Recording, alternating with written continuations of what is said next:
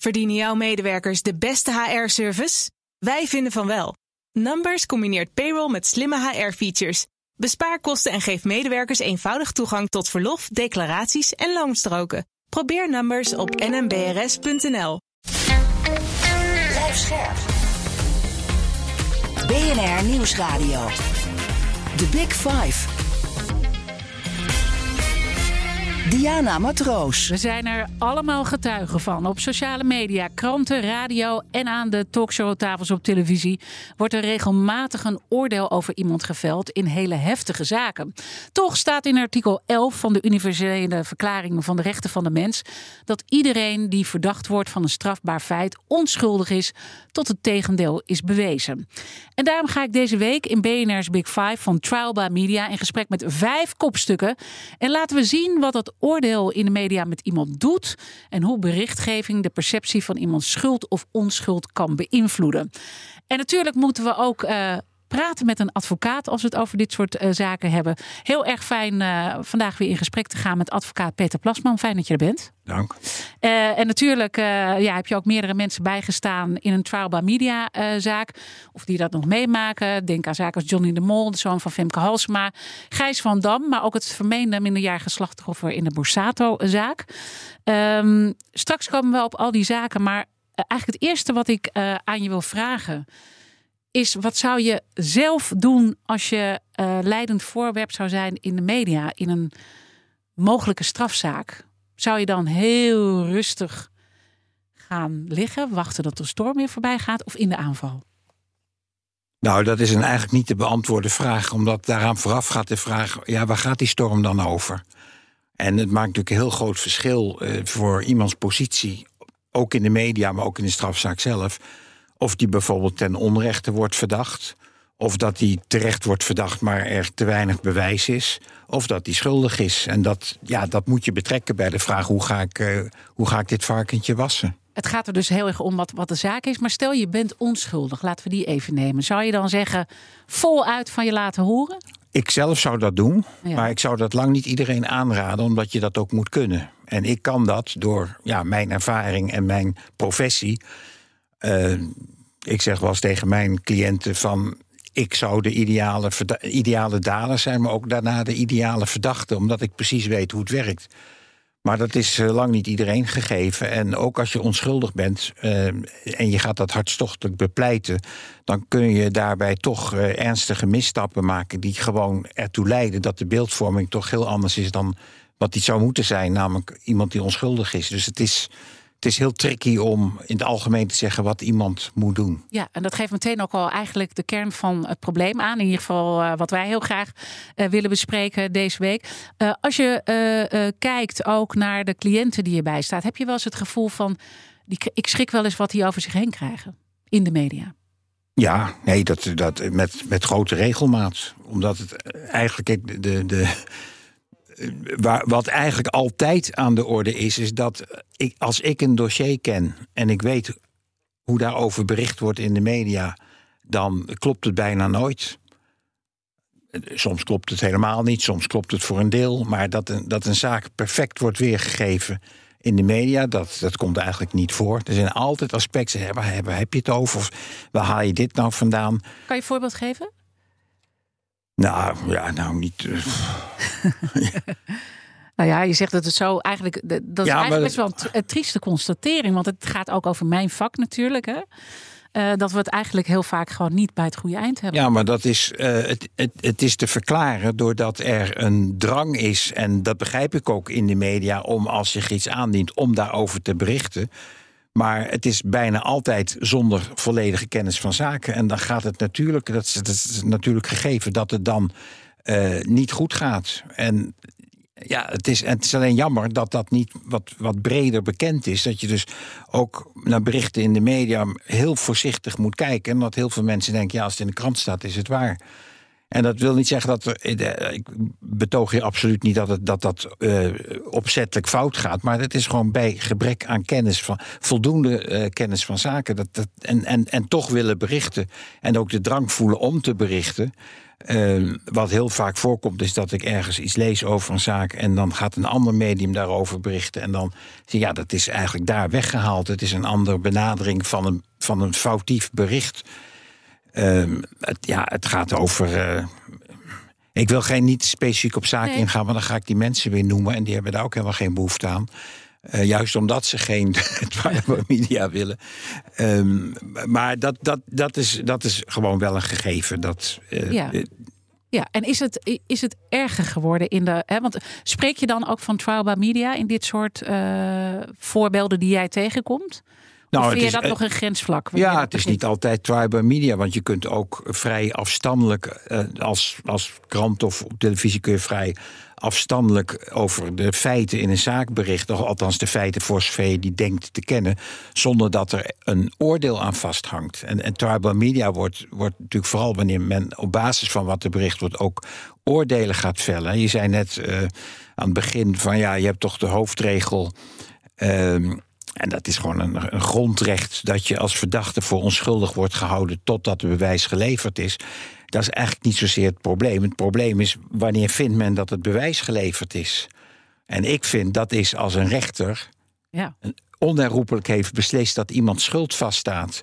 Maar ja, in de praktijk is dat heel anders. Want in de praktijk is het vaak zo als tien mensen zeggen dat ze iets gezien hebben. Uh, of, of hebben gehoord dat het gebeurd is. Dan vindt vinden heel veel mensen dat het bewijs dan wel geleverd is. En dan kan je dus die onschuldpresumptie loslaten. Ja, en dan heb je het natuurlijk, uh, je hebt het over publiek, maar de journalistiek en de media spelen daar natuurlijk ook een uh, rol in. Kijk, en ik vind persoonlijk, daarom wilde ik deze week ook al een tijd graag maken, is dat ik vind dat media gewoon vaak te ver gaan. En dat zien we natuurlijk nu ook in allerlei voorbeelden waar heel veel wordt bericht, waar je gewoon echt schade aan een persoon toebrengt. Zonder dat, ja, ik, ik, we leven in een rechtsstaat. Het is aan de rechter om hier een uitspraak uh, over te doen.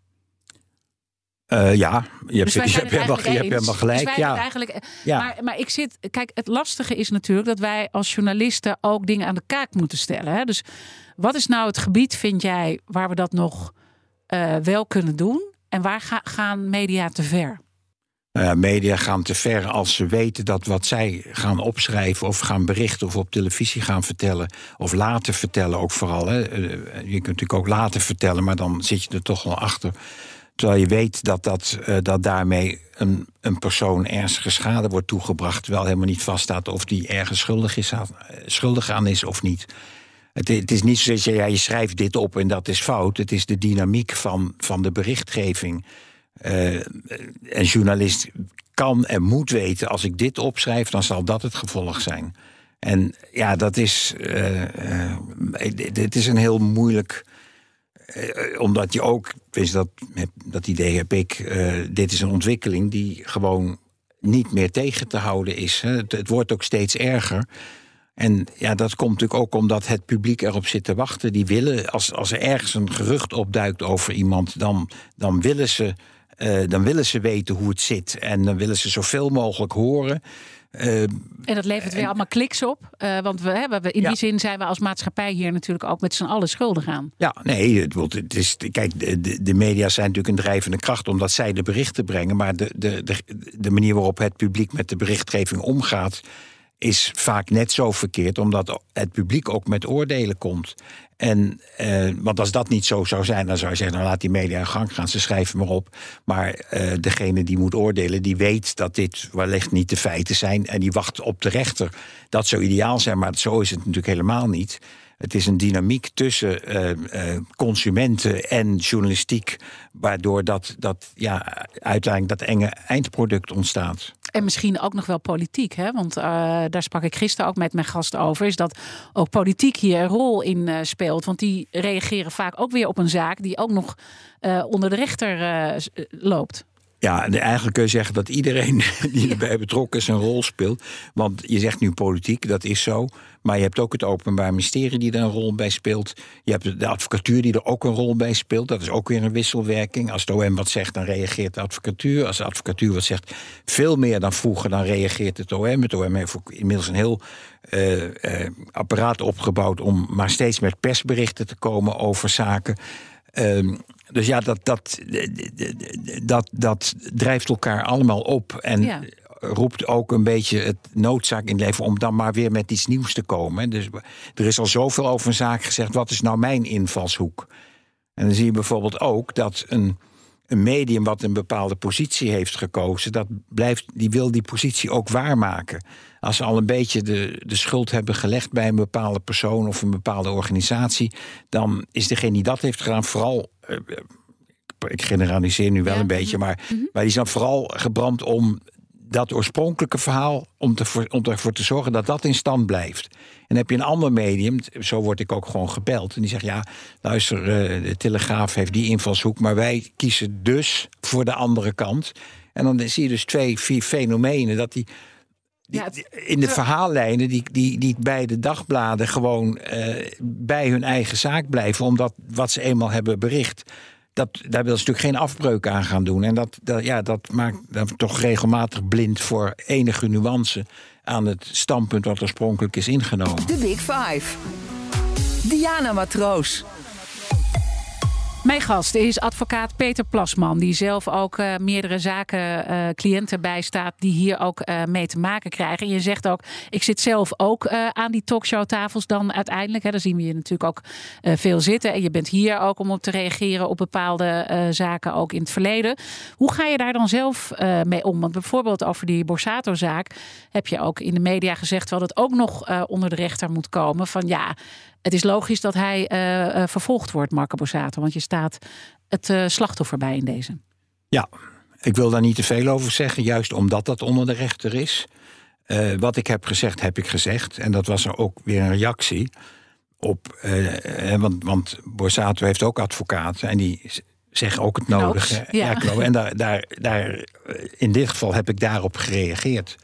En dat was de, de, de stelling van de verdediging eh, was er, we hebben 29 getuigen. En dat is vanuit een ontkennende positie. Hè? Dus dat, dan, dan denk je, wat zijn dat? En toen heb ik daar tegen ingebracht. Nou, ik begrijp dat het OM tot vervolging is overgegaan. En dan zeg ik eigenlijk niks over de inhoud van het dossier. Maar wel dat ik wel een mening heb over dus de beslissing van het. Dus het moet de aanleiding zijn dat, dat eigenlijk uh, de tegenpartij... om het zo maar even te zeggen... Uh, middels de advocaten met iets komt... En dan voel je genoodzaakt om daar toch iets tegen nou, dat kan, Soms niet, maar soms wel. Maar het hoeft niet per se de, tegen, de, de tegenpartij. In dit geval is het dan een andere advocaat die.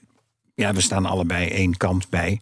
Maar het kan ook het Openbaar Ministerie zijn of de politie met een bericht komt. Dus het is altijd de vraag: heeft het belang, is het in het belang van mijn cliënt om, om dit te laten gaan? Of juist om dit niet te laten mhm. gaan? En dat is heel erg casuïstisch. Dat heel, hangt heel erg af van wat, wat er concreet aan de hand is. Ja, en je noemt dan wel uh, dat er bijvoorbeeld iets van heel duidelijk bewijs nog is, maar dan ga je niet in op wat het is, omdat je zegt dan uh, dat is aan de strafrechter en ik wil niet een trial by media zaak hier ja, bovenop plakken. Ja. Hè? Dat waren, waren volgens mij de bewoordingen. Dus zo probeer jij dan die afweging te maken. Ja, dat zit, het is soms lastig, want het zit echt een beetje op een. Je kan ook niks zeggen, maar dan gaat dat een eigen leven luiden. Dan zijn mensen, uh, dan, want dan klinkt, blijft het, de stelling staan, nou, er zijn 29 getuigen. En dan wordt dat. En het is, dat is ook weer een beetje het probleem bij alle zaken die in de media komen. Dat soms ook het feit dat je niet reageert, leidt ook weer tot een conclusie. Ja. iemand die uh, bijvoorbeeld zegt: Ik geef geen commentaar. Dat las ik van de week nog. Dat, ja, dan weten we het wel. Ja. Als iemand zegt: geef geen commentaar, dan weten we het wel. Dus met andere woorden, ja, dan verklaart hij zichzelf schuldig. Ja. En dat is natuurlijk ook weer een heel raar fenomeen, want dan komt er een zekere dwang.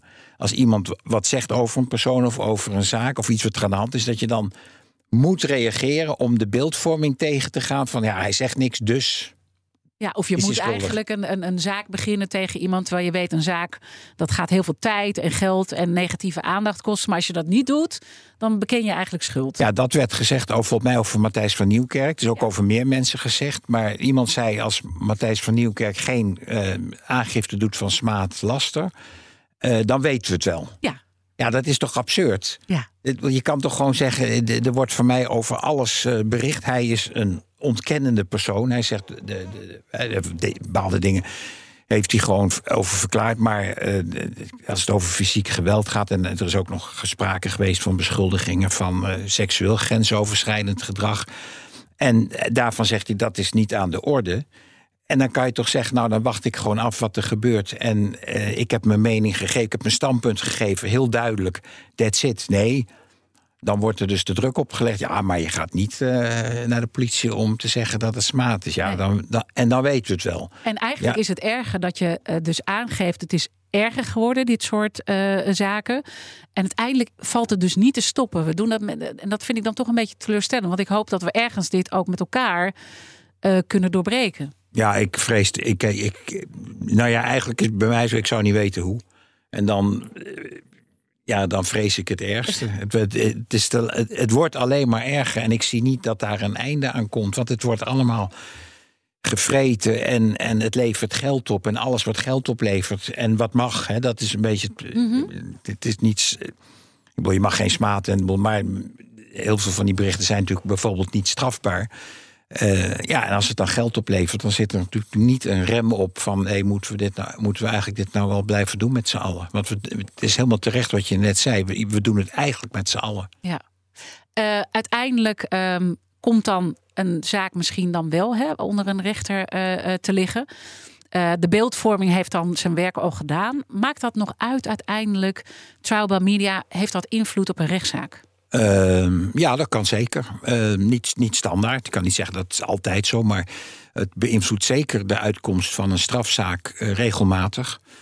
Uh, maar dat is niet verkeerd. Hè. Het is. Ehm, eh, en je moet dan heel duidelijk onderscheid maken tussen twee, twee hele belangrijke punten in een strafproces. Eén is de bewijsvraag. Mm -hmm. En twee is, hoe, hoe, als er een beweesverklaring is, hoe, dus iemand wordt schuldig verklaard, hoe moet dan de afdoening zijn?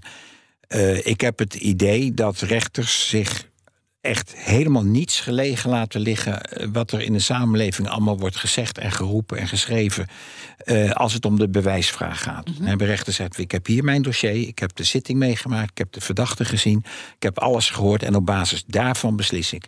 En dat Pietje Puk in de krant roept dat hij al honderd keer deze man dat heeft zien doen, daar trek ik me helemaal niets van aan als dat niet ook in het dossier duidelijk wordt dat dat zo is. En, en, en dat kan, die scheiding kun je maken. Ja, ja, ja. Want, ja, ik bedoel, is... psychologisch kan ik me voorstellen dat je toch wordt beïnvloed door wat je allemaal uh, hoort. Hè? Ja. Ik bedoel, er zijn nu ook verhalen dat ik denk, ja, je gaat toch naar iemand op een bepaalde manier kijken. Dat is menselijk. Ja, nee, dat is zonder meer zo. En daar hebben rechters ook, die hebben daar ook mee te maken. Dat zijn gewoon mensen met hun eigen gevoelens, ideeën, opvattingen. Maar de kunst van het zijn van een goede rechter is niet dat je, uh, dat je uh, beïnvloed kunt worden en dat je je eigen mening hebt en dat je het bewijs van spreken object vindt wat er zich in een dossier heeft afgespeeld. De kunst van een goede rechter zijn is dat je daardoor je oordeel niet laat beïnvloeden. Dus dat je als rechter altijd bewust bent van hé, hey, dit is en dat moet ik scheiden. En, maar dat, dat is de kern van het vak. Dat je onbevooroordeeld door wat dan ook, dus ook door je eigen ideeën, opvattingen en gevoelens, emoties. Dus dat je dat eigenlijk benoemt voor jezelf van ik word waarschijnlijk wel beïnvloed, ik ja. weet dat, dus moet ik daar kritischer naar kijken zelf. Nou, ik moet er goed op letten dat dat niet uh, mijn oordeel gaat beïnvloeden. Dat ik dat loskoppel. Dat, en dat, dat, ja, dat krijgen rechters met, met de paplepel ingegoten. En dat maakt ook dat iemand een goede rechter is. En vooral als hij dus van al die processen zichzelf ook bewust is. En de slechte rechters zijn mensen, ja, ik ben helemaal niet te beïnvloeden. En ik, mijn eigen mening die is, is prima en die mag ik er best bij betrekken. Dus ik, daar, daar, als het om de bewijsvraag dus gaat, dan, dan uh, speelt dat echt geen rol. Het zal echt wel een keer fout gaan. In elke business gaat wel eens wat ja. fout. Maar dat is wel um, mijn vertrouwen in, in de rechtspraak. En dat dat daar. Gelukkig dat daar, daar wel die ja, nee, als het om de feiten gaat, dan. dan ja. uh, waar, waar maakt het wel uit? Nou, voor de afdoening van een zaak. En ehm, dat is ook niet erg, want dat staat ook in de wet. Als ehm, een rechter moet bij het opleggen van straf, en daar praten we dan even over, straf of maatregel, maar stel dat komt eraan toe dan uh, is een van de factoren, als je over ernstige delicten praat, is uh, de commotie in de samenleving.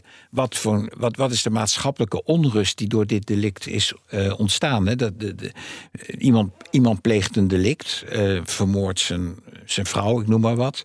En met zijn kinderen ook erbij. Dus zeer ernstig. En dat schokt de samenleving.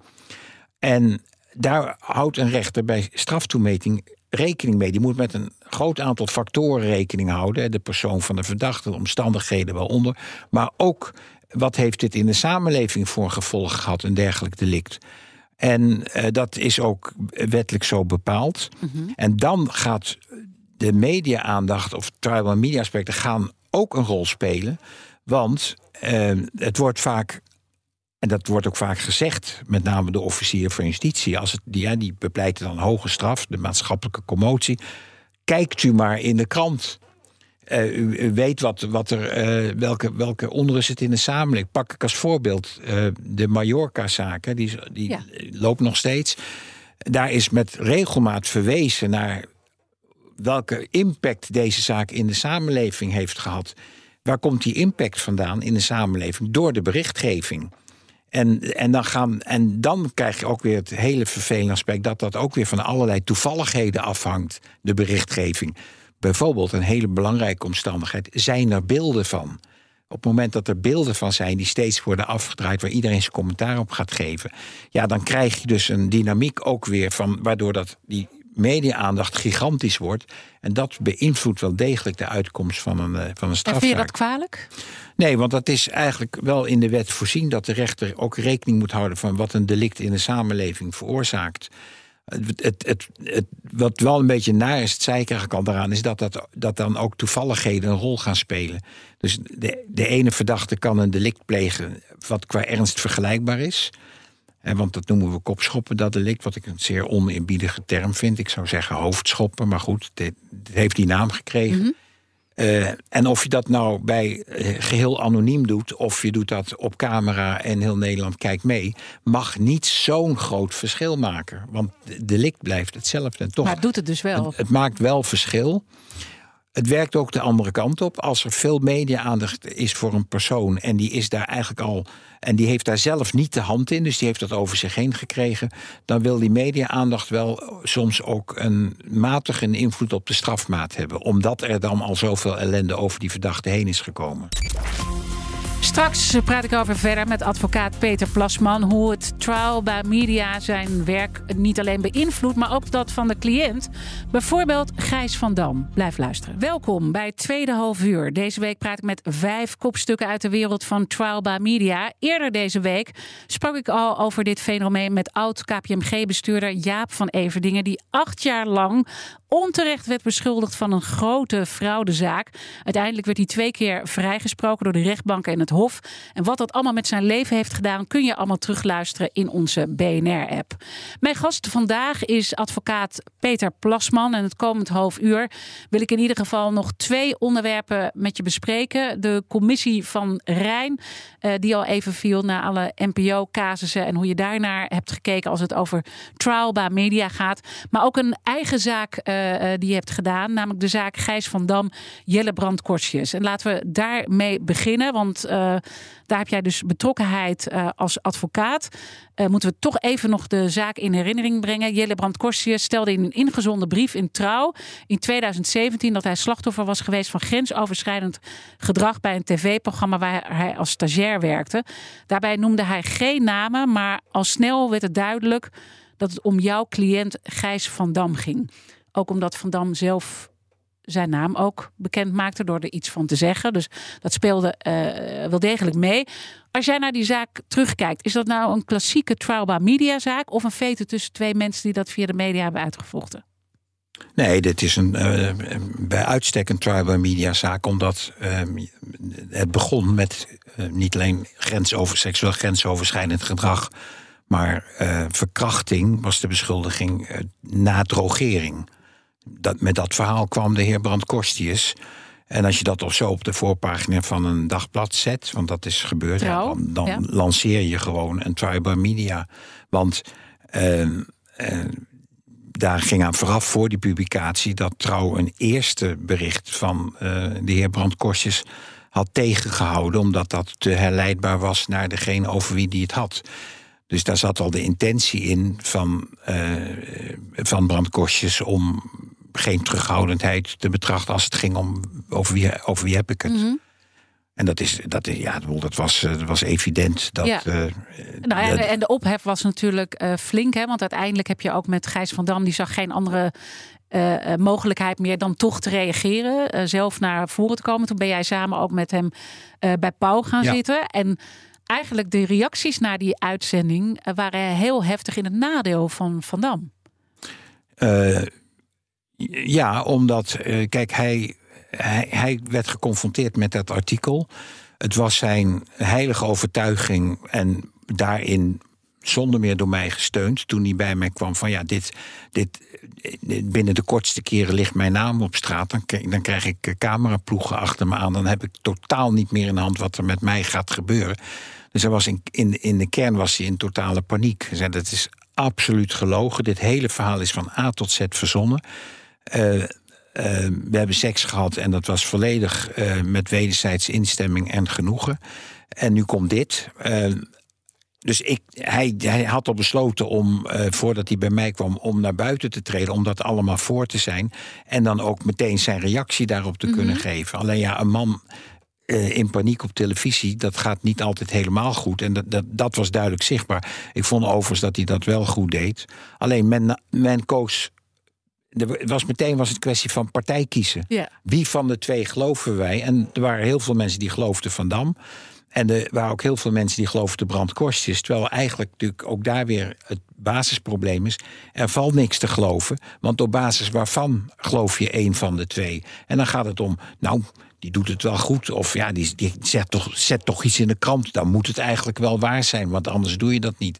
Van Dam gaat op televisie ontkennen. Ja, dan moet het ook wel waar zijn, want anders ga je niet op televisie ontkennen. Als je, dus je krijgt allerlei fenomenen die ertoe leiden dat er, dat er dus partijen. Ingewikkeld, hè? Ja. ja, het was. Het was, het was uh, dit, maar dit was echt een. een uh, die, die was er ook op uit om de naam van Dam bekend te krijgen.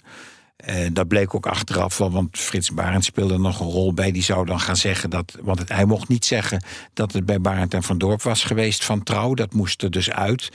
Maar vervolgens vroeg hij aan Frits Barend: van, Wil jij dat dan vertellen dat, dat het bij jullie was? Dus uh, dat, dat bleek overigens achteraf. Maar Van Dam had bijvoorbeeld de dag na de publicatie, of twee dagen na voordat hij bij Pauw zat had hij, liep zijn LinkedIn-pagina helemaal vol met zoektochten. Dus hij was, geloof ik, 3000 keer was hij, uh, was hij opgezocht. Mhm. En in het mediawereldje ging het ook al daar rond. Gaat het, daar gaat het heel erg uh, snel. en er waren ook allemaal teksten van geloof uh, slachtoffers. Hè? En er was zelfs een hashtag uh, om, om Jelle te steunen. Ik weet even niet meer wat precies. Uh, toch heeft de Raad van, voor de Journalistiek ook heel kritisch naar deze zaak gekeken.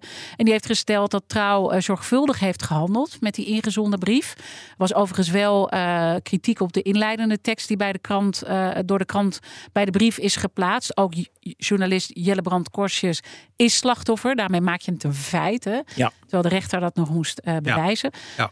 ja ja, hoe, kijk je naar zo'n uitspraak uh, uh, van de Raad? Ja, uh, dat, dat, ik, ik, vond, ik vond die uitspraak niet goed. Wat natuurlijk wel aan de orde was daar, was dat Trouw zelf wel al een klein beetje de rem erop had gezet. door de eerste brief van Brandkostjes af te keuren. Zeg ja, dit, kan, dit moet er allemaal uit. Maar ik, de, de fout van Trouw vond ik dat zij als, uh, als journalisten bij uitstek ook hadden moeten voorzien dat dit nooit anoniem zou blijven. Ook, ook, dus los van even wat dat Van Dam bij Paul was gaan zitten, waardoor het allemaal natuurlijk wel snel ging. Maar ze hadden moeten weten en kunnen weten, maar zeker moeten weten van dit gaat een heksjacht opleveren naar de persoon over wie Brandkostjes het heeft. Mhm. en, dan, en dan moet je dat niet op die manier doen. Nee. En vind je dan dat wij als journalisten ook uh, meer rekenschap hiervan moeten geven en meer hierop moeten reflecteren? Ja, ik, eh, als we het op deze casus betrekken, dan had Trouw naar mijn mening moeten zeggen: ja, luister, dit wordt. Hè, jij, je bent een bekende Nederlander. De brandkostjes, dus wat jij zegt heeft impact. Dat is niet zomaar een verhaal. Ehm, eh, dit is een puur eenzijdig verhaal. Er is geen enkele onderbouwing voor. Uh, je hebt het over dat je gedrogeerd was. Kijk, de politie vroeg aan hem: is er voor. Uh, hoe, hoe, je hebt het over drogering. Ja, toen zei hij: Ik moet wel gedrogeerd zijn, want anders was het niet gebeurd. Ja, als je dat dan op de voorpagina van de krant mag zetten: Ik, ik was gedrogeerd. Daar had er dus ook trouw veel. Dat is ook een soort feitelijk iets wat je dan. Je maakt zelf een feit. Ja. En, en, en een medium brengt dat dan vervolgens als feit. En uh, als Trouw al had willen publiceren, hadden ze veel meer door moeten vragen van ja, maar heb je dan uh, blijkt dit ergens uit? Heb je enige ondersteuning? Mm Want ze hadden moeten weten, dit blijft een eenzijdig verhaal. Uh, en de enige mogelijkheid dat dat niet zou zijn gebeurd, was dat Van Dam had gezegd: want Kostjes, je hebt helemaal gelijk na 15 jaar. En, maar dat was nou ook niet echt een te, voor, een, een te voorziene reactie. Dus ze hadden gewoon moeten zeggen: ja, dit is een puur eenzijdig verhaal zonder enige onderbouwing. En dat brengen we niet op deze manier. En uiteindelijk hebben ze allebei een zaak tegen elkaar ingediend. Maar allebei uh, is er door de rechter gezegd van we gaan hier niks mee doen. En dat, is dat dan goed uiteindelijk? Of is dat eigenlijk een heel triest einde van zo'n heel verhaal? Voor beide nou, partijen? nou, het is iets anders gegaan. Uh, uh, Brand heeft, heeft alsnog aangifte gedaan van die verkrachting. Dat is gewoon geseponeerd. Heeft hij ook verder niks mee gedaan. Want ja, men zag gewoon in dat dat gewoon een verhaal was... wat geen, geen enkele onderbouwing had. En, uh, maar hij zelf is wel voor de strafrechter verschenen... voor de meervoudige Kamer op de beschuldiging van smaad. En hij is vrijgesproken omdat... en dat met die uitspraak, ja, daar heb ik hele grote moeite mee. En Van Dam uiteraard ook. Omdat de rechtbank zei, ja, Van Dam heeft zelf de publiciteit gezocht. En dan is het geen smaad meer, want dan heb je dus niet een persoon beschadigd. Dat is gebeurd doordat die persoon zelf. En ja, dat, dat, ik, vind dat, ik vind dat eigenlijk niet, niet zo goed Omdat je eigenlijk schetst van uh, zo iemand zit zo in het nauw dat hij eigenlijk niet anders kan dan naar voren stappen. Nou, hij kan natuurlijk gewoon afwachten. Ja. Maar hij weet 100% zeker, dan wacht ik op iets wat met zekerheid gaat komen. Ik weet niet uit welke hoek. En ja, ik zie dan echt, eh, op het moment dat die naam echt rond gaat zingen en nog niks vaststaat, dan gaan de cameraploegen al wel vast kijken bij hem. En dan loopt hij op straat en dan krijgt hij een cameraploeg achter zich aan van gaat het over jou en hoe zit dat? En hij zei, dat wil ik allemaal. Ik, ik, ik, daar ga ik die strijd maar aan. Maar dit heb ik niet gedaan. Wat daar staat is volkomen klets. Het gaat over mij. Hij bedoelt mij. En dat gaat uitkomen. Dat... Maar uiteindelijk ben je, aan welke kant je ook staat... je bent altijd een verliezer in dit soort uh, zaken. Dit, dit zijn... Uh, uh, uiteindelijk hebben beide partijen hier gewoon hebben, hebben verloren. Ja. Ze zijn er allebei niet beter van geworden. Nee. Trieste, trieste constatering. Uh, je zegt het is goed uh, dat uh, journalisten ook reflecteren. En ik zag een, een, een interview met John van der Heuvel. Die reflecteert op een van jouw zaken. Namelijk de zoon van burgemeester Femke Halsema. Die uh, nou ja, werd, werd op een gegeven moment werd aangehouden. En daar kwam een heel groot verhaal uh, in de Telegraaf uh, te staan. Ik weet dat je niet te veel over deze zaak wil zeggen. Maar hoe kijk je toch naar een John van Heuvel die zegt... ja, het zat toch iets genuanceerder in elkaar. Ik had toch iets meer nuance moeten zoeken. Uh, nou, laat ik beginnen met zeggen, daar geef ik hem helemaal gelijk in. dat snap ik. dat had hij zeker moeten doen.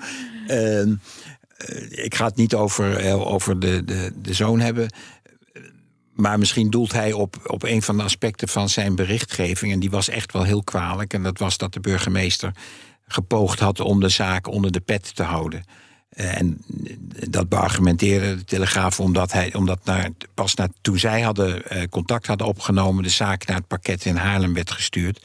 Terwijl op het moment dat het allemaal gebeurde, de officier mij al belde van we gaan als het dossier binnen is van de politie, en dat duurt altijd even, dan gaat de zaak behandeld worden door de officier van justitie in Haarlem. Juist vanwege de positie van de burgemeester natuurlijk in de mhm. driehoek in Amsterdam. Mhm. Dus dat was echt, dat werd volkomen ten onrechte gesuggereerd. En dat heb ik ook al tegen hem gezegd. Dat had je echt zo niet, uh, niet moeten doen. Er was geen sprake van. Dat kan ik uit eigen waarneming uh, gewoon. Ik weet dat uit eigen waarneming. Maar los daarvan, uh, het is, ik, maar zo ken ik hem ook wel, vind ik het heel goed dat hij daar achteraf dan uh, op terugkomt en dat nog even aan de orde stelt, dat het wel, wel wat minder heftig had gekund destijds. En hij, geeft daarbij ook aan van uh, het is met name de snelheid. Hè. Ik was, hij was zelf op vakantie op Curaçao. Je hebt een tijdsverschil uh, te maken. Je krijgt zo'n melding, je checkt het, het klopt. En dan heb je eigenlijk niet genoeg tijd. Neem je eigenlijk als journalist om al die kanten van het verhaal goed te checken. Ja, maar dat zie ik dan meer als een verklaring dan als een excuus. Want het is natuurlijk niet een excuus van ja, is, eh, daar kwam het door, dus sorry, maar ik kon er ook niet zoveel aan doen. Hij, het is een zeer ervaren en zeer deskundige journalist. En ik vond dit echt een uitglijden van hem. En eigenlijk op zijn manier geeft hij dat ook wel een beetje aan. BNR Nieuwsradio. The Big Five. Diana Matroos. Je luistert naar BNR's Big Five van Trialba Media. Later deze week zal ik nog spreken met Richard de Mos over zijn corruptiezaak. Mijn gast vandaag is advocaat Peter Plasman. Overigens is dit ook een eh, van jouw eh, cliënten. Dat was niet zo bedacht dat het deze week bij elkaar kwam, maar ik las wel dat dat zo is. Ja, hij is, eh, hij is een hele goede gast, want hij is eigenlijk voor mij het summum van wat Trialba Media oplevert. Waarom? Nou, jarenlang Kijk, daar heeft het Openbaar Ministerie al vrij snel een beschuldiging gelanceerd van deelneming aan verschillende criminele organisaties. Wat een hele heftige beschuldiging is.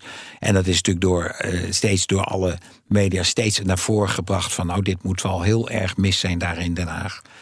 Um, en daar blijkt dus de uitkomst tot nu toe, gewoon integrale vrijspraak, ook gewoon weer heel, heel anders dan wat er al die jaren in de media over hem is geschreven. En, en zijn collega-wethouder en andere mensen in die zaak. Wat zou ik hem zeker moeten vragen als het aan jou ligt? Jij kent hem zo goed. je wilde zelfs met hem de politiek in, want je stond op nummer twee van zijn. Ja, het is, uh, het, is, het is een. Uh, ja, het is gewoon een hele. Uh, het is gewoon een hele leuke man. Ja, wat moet je aan een leuke man vragen?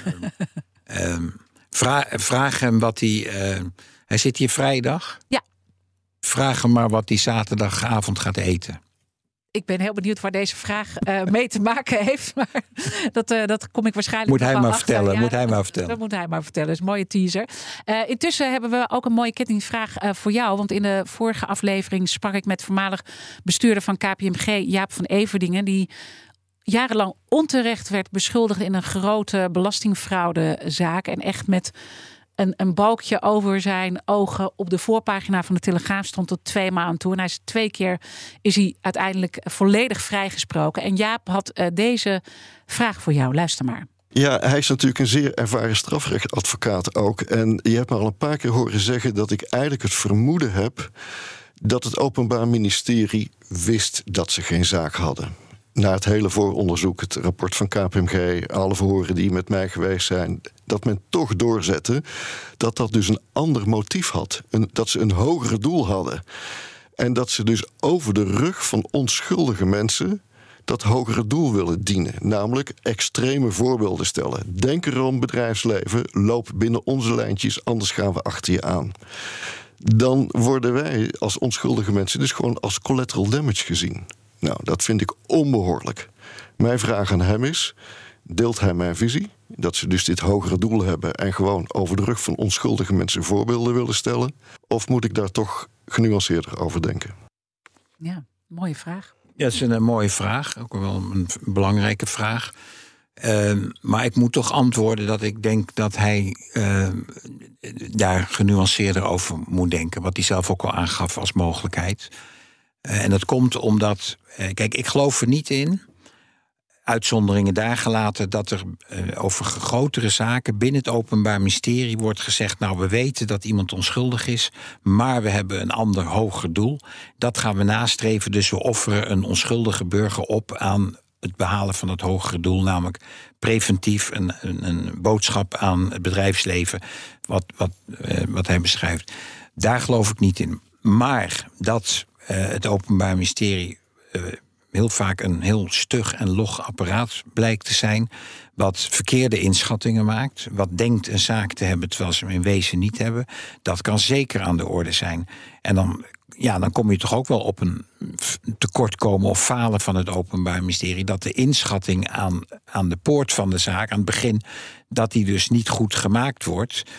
Uh, dan kun je altijd nog, en daar, daar gaat het ook echt vaak fout, dan kun je altijd nog gaandeweg het, de, de, de, de strafzaak, gaandeweg het onderzoek, kun je zeggen: hé, hey, we, we, zitten eigenlijk niet op het goede spoor. We hebben het aan het begin toch niet goed gezien. Uh, We stoppen ermee en we zeggen excuus. En, en dat is een hele moeilijke.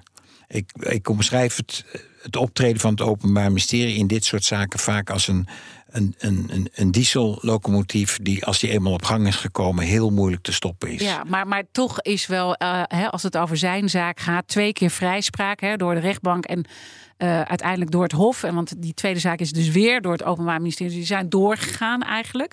Uh, terwijl de rechter ook wel iets heeft gezegd over de publiciteit. Waar, waar ze echt ook een kwalijke rol in hebben gespeeld. En dat je dus ook niet bij iemand terugkomt. He, want na al die jaren heeft hij nog steeds geen gesprek gehad eigenlijk met het Openbaar Ministerie. Dat, dat, dat, dat is toch wel heel erg kwalijk. Ja, maar dat, is, um, dat, dat vind ik ook. En ik vind als je iemand echt zo um, hebt geëxpo exposure hebt gegeven als, als boef, hè, als vermeende mhm. boef. Je weet ook hoe dat werkt in de media. En je hebt dan twee keer vrijspraak te pakken gekregen als hem. Dan moet je tot de conclusie komen van belangrijke ervaring hebben wij het wel goed gedaan. En als, dat, als je vindt dat dat niet zo is, moet je gewoon wel degelijk zeggen: Nou, sorry, excuus. Ja. En waar, waar, waarom waar, nou, is dat, dat dat niet gebeurt? Ja, je, je, je, gaat niet over deze zaak, maar. Nee, ik ken de zaak natuurlijk onvoldoende. Maar vaak wordt dat veroorzaakt omdat men, ondanks de vrijspraak van mening blijft, dat, dat ze wel degelijk goed werk hebben afgeleverd. En dat de rechter het nou eenmaal anders ziet. Ja, dat is dan jammer, maar dat betekent voor het OM niet dat zij het fout hebben gezien. Ja. Dus die, die stap naar Ehm, met reflectie maar op alles. In deze zaak was het zo duidelijk eigenlijk dat ze het niet bij het juiste eind hadden. Weet je wel? Dan twee keer aan toe en toch dat dan vasthouden als een soort heilige overtuiging. Ja, maar het OM heeft als uitgangspunt een vrijspraak. En dat juridisch gezien hebben ze daar, als ik het even heel theoretisch benader, gelijk in. Een vrijspraak betekent niet dat het OM het verkeerd heeft gedaan. Want het OM acteert op basis van een verdenking. Mhm. Het OM schat in van nou wij vinden dat dit tot een veroordeling moet leiden. Dus dat op zich, want dat gebeurt wel vaker. Mhm. Maar je moet wel kijken van maar waar, op basis waarvan heeft het OM nou eigenlijk geacteerd? En wat is er allemaal gebleken? En welke momenten zijn er geweest om te zeggen: hé hey, jongens, we zitten verkeerd, we stoppen ermee? En ja, die stap is voor het OM heel moeilijk. Het is voor het OM, ik praat over een bijna 40 jaar ervaring, heel moeilijk om toe te geven dat ze echt een hele verkeerde nou, inschatting hebben gemaakt. Dat is wel echt even een, een, een, een, iets, een reflectie waar ze natuurlijk wel iets mee moeten, lijkt mij, toch? Want je, je, je maakt eigenlijk het leven van zo iemand wel kapot, ja, natuurlijk. Ja, maar dan gaan ook aspecten spelen. Als je een leven kapot hebt gemaakt en je gaat uh, schuld daaraan erkennen, dan komen er schadeclaims in beeld.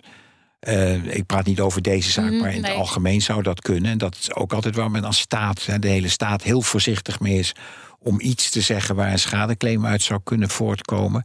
Uh, maar het is wel jammer. Het is jammer omdat uh, ook een standpunt van het OM na afloop van we hadden dit niet moeten doen. Een, iemand die een gewezen verdachte die vrijgesproken is, uh, los van de vrijspraak nog heel, een, heel veel goed kan doen. Erkenning van we hebben, het ligt niet aan jou, het ligt eigenlijk aan ons. Ja, uh, ik heb de commissie van Rijn beloofd, maar we hebben nog heel korte tijd. Uh, maar misschien dat je daar toch nog jouw uh, belangrijkste opmerking wil maken. Want daar zie je echt dat alle media er uitgebreid over berichten. En met name Matthijs van Nieuwkerk ja. wordt daar natuurlijk wel echt ja. benoemd door iedereen, zelfs door een BNN-Vara-directeur. Ja. Nou, wat vind je daarvan? Nou, daar noem je de kern van wat ik over dit rapport vind. Ik vind het. Uh, de commissie is, uh, heeft een onderzoek gedaan naar een cultuur en doet niet aan waarheidsvinding. He, dat hebben ze zelf gezegd. Ze hebben ook niet, uh, het is niet op de persoon gericht geweest, het, het, onderzoek. Daar hebben ze ook het protocol niet bij voor gebruikt om dat onderzoek te doen. Maar het is natuurlijk wel op de persoon. Op het moment dat jij het gaat hebben over een presentator bij een, een dergelijk programma. En ja, ik vind dat eh, eh, onbegrijpelijk dat de commissie dat niet heeft onderkend en gewoon niet is begonnen met we gaan wel aan waarheidsvinding doen en pas als we de feiten hebben, dan gaan we iets over cultuur zeggen. En ze hebben het omgedraaid en het resultaat is dat iedereen, uh, het wordt een who done it en iedereen weet over wie het gaat. En alles wat daar gezegd wordt, dat, dat gaat dan over uh, Matthijs van Nieuwkerk en andere personen. En zo'n VARA-voorzitter die gaat dan nog eens eventjes... ja Ja, terwijl hij op de grond ligt nog eens even heel heftig natrappen. Ik vind het onbegrijpelijk wat hier gebeurt. En zou je uh, Matthijs dan aanraden om een uh, zaak te beginnen? Nee, nee dat, ik, nog, nog afraden, nog aanraden. Dat is. Uh, nee, hij, hij, hij heeft zijn positie gekozen. En het is helemaal aan hem een zaak doen. Daar moet je maar zin in hebben. En je, je komt in allerlei procedures. Je komt met, met dingen die hij ook niet kan bewijzen. Je kunt namelijk ook nooit bewijzen dat iets niet gebeurd is. Dat is heel lastig. Dus je, raakt, je dreigt verzand te raken in jarenlange procedures waarbij iedereen. Eh, ja. Nou, ik zeg ook niet niet doen, maar denk er goed over na, alle voor- en nadelen, voordat je zoiets zou beslissen. Eén korte vraag nog, die doorgaat naar de gast van morgen. Dat is Pier Eringa, voormalig lid van de Raad van Commissarissen van Ajax, die na alle media ophef besloot op te stappen. Wat zou je hem willen vragen? Nou, ik heb even naar zijn staat van dienst gekeken. Ik moet zeggen, een imposante uh, carrière. Uh, uh, politiecommissaris, inspecteur van politie, spoorwegen, NS-reizigers, ziekenhuizen, KNVB. Nou, je hebt wel een paar genoemd, maar ik, dit, dit, ja, ik kom bijna aan. ik heb vroeger de uitdrukking 12 ambachten, 13 ongelukken. Nou, die ongelukken zie ik niet, maar ik zie wel veel meer dan 12 ambachten. En mijn vraag zou zijn. Uh, en met het verzoek om daar dan ook een, niet een, een beetje, nou ja, ja. wijkend antwoord op te geven. En welk van die functies heeft nou voor u persoonlijk de meeste voldoening gebracht? Maar meteen eraan gekoppeld is eigenlijk een dubbele vraag. En welk van de functies heeft u achteraf beschouwd uh, de minste voldoening of zelfs ellende gebracht? En dat, mag, dat laatste mag ook best Ajax zijn. Dankjewel voor de vraag en dankjewel voor je komst weer, advocaat Peter Plasman. En natuurlijk zijn alle afleveringen van de Big Five terug te luisteren. Abonneer je via je favoriete podcastkanaal. Ik wens je een mooie dag. Verdienen jouw medewerkers de beste HR-service? Wij vinden van wel. Numbers combineert payroll met slimme HR-features. Bespaar kosten en geef medewerkers eenvoudig toegang tot verlof, declaraties en loonstroken. Probeer Numbers op nmbrs.nl.